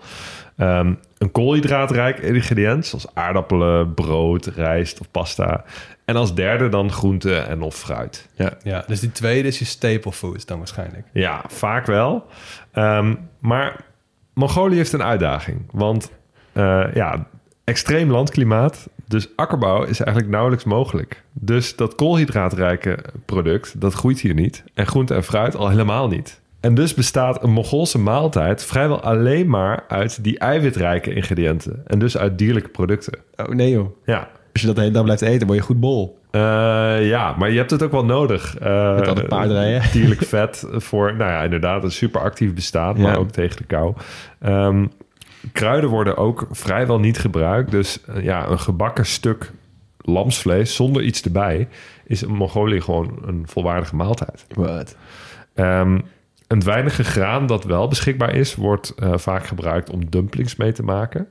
Met een vulling van vlees, uiteraard. maar ja, het is echt vlees wat, eh, wat de pot schaft.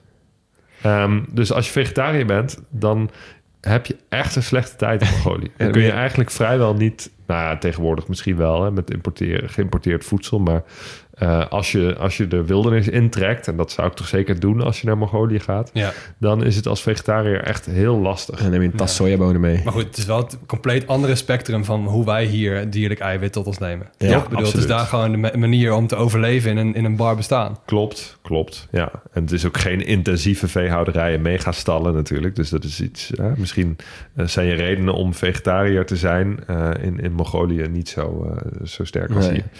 Ehm, in Mongolië worden voornamelijk runderen, paarden, eh, kamelen, jaks, schapen en geiten gehouden. Dus dat zijn een beetje de, de belangrijkste dieren die ze houden. En daar wordt dus vlees van gegeten, maar ook melk van gedronken, kaas van gemaakt. En eh, de bekendste drank hebben we het al over gehad. Dat is die ayrak. Dat is die, die licht alcoholische gefermenteerde paardenmelk... die in Turkse volkeren eh kumis wordt genoemd. Nou, een gerecht dat in het Westen wel bekend is... is Mongolian beef. Eh, rundvlees wordt gekruid en gebakken met uien, gemengde groenten... vaak geserveerd met rijst of noedels. Leugens. Ik hoor je denken... eh, Wat is dat- Mongolië about this dat, beef? precies, dat groeit toch helemaal niet in Mongolië. En dat klopt, want Mongolian beef komt uit Taiwan. en heeft dus helemaal niks te maken met de Mongoolse keuken. En dat geldt ook voor de Mongolian barbecue restaurants. Dat, is- die zijn super populair en komen ook uit Taiwan.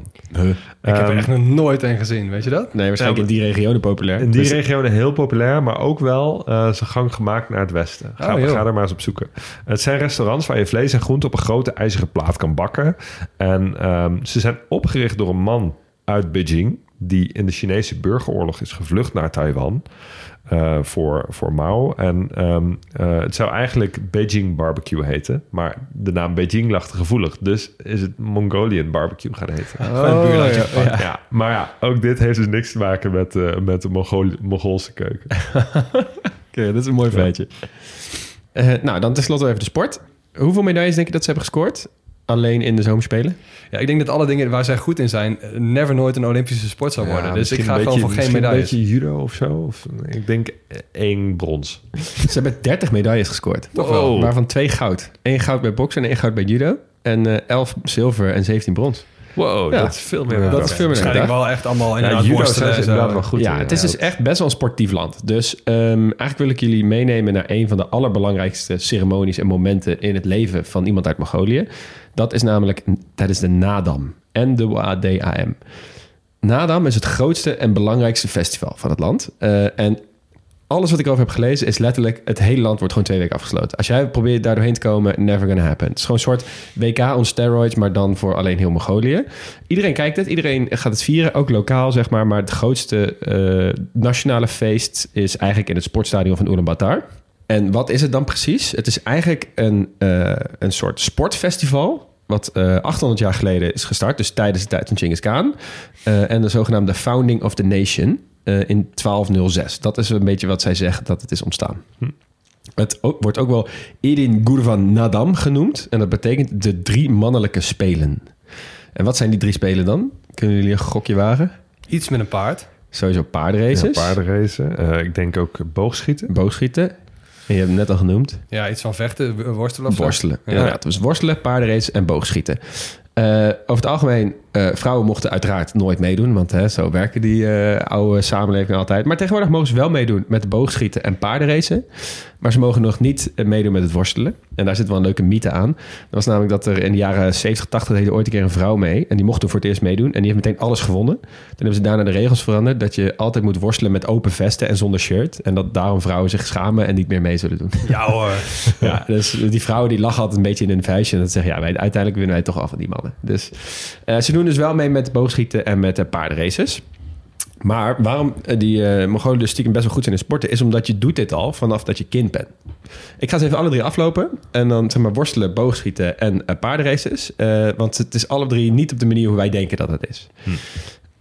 Te beginnen met die worstelaars.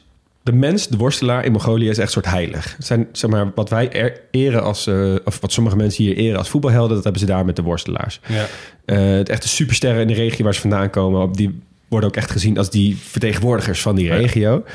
Eh, en de mythe over worstelen is dat Genghis Khan zelf erover heeft gezegd dat het de belangrijkste manier is voor zijn soldaten om een, in een sterke fysieke en mentale conditie te blijven. Dus het werd ook altijd georganiseerd in die kampen van hun. Het, en de regels zijn heel makkelijk. Eh, er is geen tijdslimiet, maar als die ander de grond raakt met iets anders dan een voet, dan een voet verlies je. Oké. That's it. Maar eh, als je diegene nou gewoon knock-out slaat, mag dat ook? Nee, het is wel vasthouden en om, omverwerpen, zeg maar. Ja, wel met de technieken die horen bij worstelen. Ja, precies. Het is niet gewoon boksen. En dan als je dus wint, dat is ook grappig. eh, als je hebt gewonnen, dan ga je dus rondlopen over die arena... met je handen als een vogel helemaal wijd. Soort als je aan het flappen bent. Eh, dat, is, dat moet de heilige vogel Garuda eh, zijn. Uit het, eh, uit het hindoeïsme, dacht ik. Maar blijkbaar dus ook daar. Eh, en de verliezende tegenstander die gaat dan onder je armen door... als een teken van respect. Zo van, Oh. oh. jij hebt voor mij gewonnen. Een soort, Oh. ja. Het is het erehaag, maar dan wel anders. Met jezelf en Ja. met die ander. En dat gebeurt dus de hele tijd. Met heel, er zijn heel veel, het is een heel respectabele sport. Met heel erg zo van, oké, jij hebt mij verslagen. Hier heb je een knuffel, succes. Wel eerkwestie dan. Dat vind ik wel mooi. Ja. Ja. Nou, volgende, eh, boogschieten. Eh, je hebt heel verschillende soorten boogschieten. Je hebt gewoon het standaard, oh ja, we gaan eh, met eh 20 pijlen moet je een doel proberen te raken om de beurt. Je hebt ook boogschieten met een soort regels van jeu de boel. Dat je zo'n bullseye hebt op zo'n schietschijf op 60 of eh 75 meter verderop. En dan degene die de, Dichtstbij. dichtstbij die, Ja. die bullseye zit, die krijgt dan de punten, zeg maar. En dat in drie rondes. Je hebt ook een soort stapeltje van schijfjes. En die moet je dan één voor één eraf schieten. En het is dus met boogschieten, wat ik heel vet vind, is dat wordt echt al beoefend door kindjes van 4, 5, 6 jaar oud. Ja. Ja. Die zijn al bezig met boogschieten. Maar het is ook gewoon, ja, weet je, dat zagen wij natuurlijk ook een beetje in Kirgizië. Maar ehm, d- hoe wij hier op vier of driejarige leeftijd leren fietsen. Zo zitten ze Ja. daar ook gewoon Ja. op, die paard. leeftijd al op Ja. een paard. En Met een boog. Ja. Ja, dat is toch Klopt. vet? Ja. Maar ik heb ook een filmpje gezien van zo'n Amerikaanse, eh, of Amerikaanse toeristenguy op YouTube. Die gaat dan daarheen en die gaat dan proberen boog te schieten. en je ziet echt zo allemaal mensen hem een soort van uitlachen. En tegelijkertijd wordt hij dus echt links en rechts gewoon twee keer zo ver worden de pijlen geschoten voor kindjes die gewoon 7, 8 jaar oud zijn. Dat is echt, echt bizar. Nou, dat is dus het boogschieten. En eh, tenslotte het paardenrace. En die paardenrace lijkt me stiekem wel echt het allervetst. En volgens mij is dat, wordt het ook wel een beetje gezien als de grote afsluiter, zeg maar. Ehm, want wat ook grappig is, de lengte van de race is afhankelijk van de leeftijd van het paard. Dus als je paard twee jaar oud is, dan ren je dus 15 kilometer. Maar is je eh, paard bijvoorbeeld ouder dan 6 jaar, dan ren je alweer 30 kilometer. Oh. Dus het is zeg maar, hoe jonger je paard, hoe minder ver je rijdt. Oké. Maar en op een gegeven moment, als die, die Ja. paarden pensioengerechtigd zijn, denk- mogen ze dan weer minder gaan lopen? Eh, Dan eindigen ze denk ik op die barbecue, Mongolian barbecue. Van Maar wat ook hierbij heel raar is, eh, de jockeys, dus die luiden die paarden bereiden, altijd kinderen. Maximaal Ah, ja. 12 jaar. Nooit Maar volwassenen. is dat niet dezelfde reden als de, de kamelenraces in... eh, die, Dat ze te in- zwaar zijn. Precies, Ja, dat, dat je zou daar zomaar ook kunnen. kleine kinderen voor neemt. En nu dus zelfs robots. Ja, ja dat, dat zou heel goed kunnen. Ja, ik heb verder geen reden gevonden waarom dit is. Maar het is in ieder geval inderdaad altijd zo dat het altijd kleine jongens en meisjes zijn van 6 tot 12 jaar die dus die paardenraces doen. Wat dat- goed. En die gaan ook best wel fanatiek die kant op. Het ziet er ook heel vet uit. Nou, eh, wat helemaal lijp is, is dat het zweet van het winnende paard wordt beschouwd als een teken van geluk. Dus eh, als je paard gewonnen heeft, dan zie je al die toeschouwers richting dat paard rennen om allemaal zweet op een doek te krijgen. Dat ze dan vervolgens thuis op hun familiealtaar plaatsen om voor goed geluk te hebben voor de rest van hun leven. Ja, zelf weten. Wauw. Ik, ehm, ik kan me nog een podcast herinneren die ik geluisterd heb. Ehm, en dat ging dus ook een beetje over sport slash paarden. Dus ik wil hem toch nog even noemen. Leon, als je hem toch niet noemt. De Mongol Derby. Oké. De langste paardenrace ter wereld. Oh, oké. Een soort van holy grail voor iedereen die paard rijdt. Er zijn ook wel mensen die vliegen speciaal naar Mongolië om dat te doen. Duizend kilometer. In negen dagen moet je afleggen. Met hetzelfde paard. Nee, dat is dus het mooie. Aha. Ehm, het is een tijdje geleden dat ik die podcast geluisterd heb. Maar het, het vette eraan is dat het paardenwelzijn best wel hoog in het vaandel Ja. staat. Dus ehm, jij moet overal zelf voor zorgen. Dus ook voor je voedsel. Ook voor gewoon echt voor, voor, je je moet gewoon voor je- volledig soort van self-sufficient zijn als je Ja. onderweg bent. Maar je moet om de zoveel kilometer moet je ook van paard ruilen. Ah. En dat betekent dus ook dat jouw overal paardrijskills tot in, de- eh, nou ja, tot, tot, tot Ja. in het puntjes getest Want wordt. je Want moet met verschillende paarden kunnen Precies, je hebt geen Ja. idee wat je krijgt. Ja. Ja. Dus, wat en als je dan te snel binnenkomt, dan krijg je dus ook minpunten. Omdat je dan je paard niet goed behandeld hebt. Oh. Vet, hè? Ja, ja. Goeie. mooi.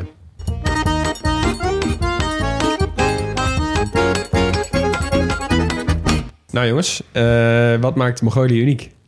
Best wel veel dingen Ja, eigenlijk. hè? nou ja, kijk, wat, toch wel denk ik dat... eh, ehm, ik weet niet of er een ander land ter wereld is... waar de oorspronkelijke wijze van bestaan nog zo levend is. En eh, waardoor als gevolg daarvan alles, de keuken, sport, de Ja. kunst... terug te voeren is op die wijze van bestaan. Ja. Dat is denk ik wat voor mij Mongolië echt uniek maakt. Ja, en die grote uiteen, zeg maar die grote vlaktes, eh, wat je Ja. kan herkennen. Maar ook, ik denk dat er weinig mensen zijn, in ieder geval in onze omgeving, die nog nooit van Genghis Khan hebben gehoord bijvoorbeeld. Sowieso. Ja, en toch inderdaad, als je inderdaad die, die oude levenswijze hebt, vind ik dan wel weer mooi dat als je nou kijkt naar Mongolië als land, dan is de kans ook best wel klein dat dat binnen tien jaar heel anders is. Ja, Want in zo'n onherbergzaam gebied en in zo'n bar klimaat is dit ook gewoon de beste manier van leven. ja precies. Want je hebt ook ja. wel heel veel andere landen waar je de traditionele manieren van bestaan ook nog wel hebt.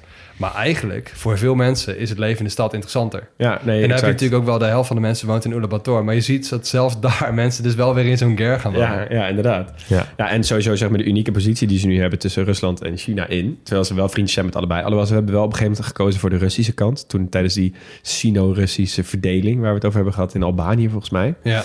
Ehm, maar tegelijkertijd zijn ze daardoor dus ook best wel ontvankelijk, denk ik. Maar ook wel een soort, ja, hoe zeg je dat? Een soort tussen de twee vuren zitten ze dan weer. Eh, ondanks dat alles nog steeds super erg eigen identiteit hebben gehouden. Met Ja. alles. Dat vind ik ook echt wel vet. Ja. Wat ik wel tof vind, is we hebben natuurlijk altijd die muziekhoofdstukjes eh, en, en die, eh, die sporthoofdstukjes, waarin het toch wel... Je hebt altijd een soort moderne variant. En je hebt ook wel gewoon heel veel mensen die dan nationale sport is voetbal, maar ze kunnen er eigenlijk niks van. Ja, ja. Dat soort dingen. En als je nu kijkt van wat is nou het nationale tijdverdrijf, zowel in, in muziek en qua, qua sport Ja. en keuken dus inderdaad ook. Het is nog steeds overleven. Het is echt en de, gewoon de, ja. de, de professionele eh, versie daarvan. Ja. Dus ik zag ook op een gegeven moment in die aflevering, daar gaan we weer met We Reizen Waas, dat die gasten die komen daar langs op een paard met een boog. Hè, je, hebt, noemde net eh, drie, drie, drie soorten. In dit geval combineer je er even twee. Die moesten moet een doel raken. Terwijl ze met 40 km per uur met zo'n paard langs komen knallen. ja, Ja. En, en die raken gewoon stuk voor stuk al die, al die, al die doelen. ja, Ja. als je iets hebt wat een land uniek maakt, dan is dat het wel, toch? Zeker, ja. Ja. ja, dat maakt de vraag... wat ga je doen als je één dag in Mongolië bent? Eh, Dat is een stuk lastiger, denk ik. Ja, heel lastig. Ik, ja, super. Ja, wat heb je aan een dag in Mongolië? Dan moet je toch. Je kan vrijwel geen afstand over de rug in een dag. Nou, ik zou dan toch een dag eh, eh, op een paard gaan zitten en meerijden met. eh, ja, toch? ja, niet? Ja, wij krijgen ineens flashbacks van toen jij op een paard zat in Kirgizië. Oh ja. Dan moet je nog wel Ja, dat even was- oefenen. Dat was leuk. Mijn, Ja. paard gaat, mijn paard gaat blijkbaar deze kant op. Nee, maar dat. En, en dan op die manier iets proberen mee te krijgen van de manier van bestaan. Ja. ja, ik zou dat denk ik ook doen. Ik zou inderdaad misschien dan toch vanaf Ulaanbaatar eh centrum... en dan even langs eh, dat centrale plein... Ah, ja. en dan gewoon helemaal naar het noorden. naar buiten. Helemaal, precies, tot dat gekke standbeeld, zeg maar. En dan nog een stuk verder. En dan daar slapen in zo'n gers. Ja. En dan kijk hoe het landschap echt verandert met de meter. Ja. ja, ik denk dat ik in de winter zou gaan. Want ja, eh, zo'n hoofdstad en ook gewoon dat leven. Ik bedoel, het is al bar en boos. En dan ook nog bij min 25 of min 40 kan het Ja. af en toe ook wel gewoon worden. En dan gewoon naar binnen en naar buiten gaan lopen, elke keer op en neer eh, in zo'n ger. En dan gewoon 50 graden temperatuurverschil. Want het is, ze stoken die gers wel lekker op natuurlijk. Ja. En dan gewoon spelletjes gaan spelen van gewoon spugen en kijken of het bevriest. Ja, ja precies. Dat ga ik doen, denk ik. Heerlijk. Goeie. We kunnen nog heel lang praten over Mongolië, maar helaas zit de tijd er alweer ruim op. Ehm, dus we moeten helaas afsluiten. En eh, we willen de luisteraars natuurlijk weer heel erg bedanken voor het luisteren naar dit hoofdstuk van de grote podcastlas. Wij zijn Leon Boendes, Max Gerritsen en Hugo Noordman. En Jonas van Impen doet voor ons de eindmontage. We zijn nooit volledig, wel origineel, geen experts, wel liefhebbers. Als we iets verkeerd gezegd hebben of iets cruciaals zijn vergeten, dan moet je het even laten weten via Twitter of Instagram op @grotepodcastlas. Of via vriend van de show, of even mailen naar grotepodcastlas.gmail.com. Kan allemaal. En volgende week zijn we er weer. Dan reizen we naar Bosnië-Herzegovina. Bajartaj.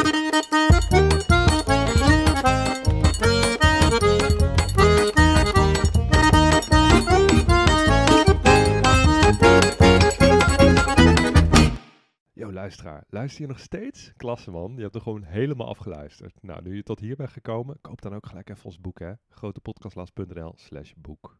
Doei!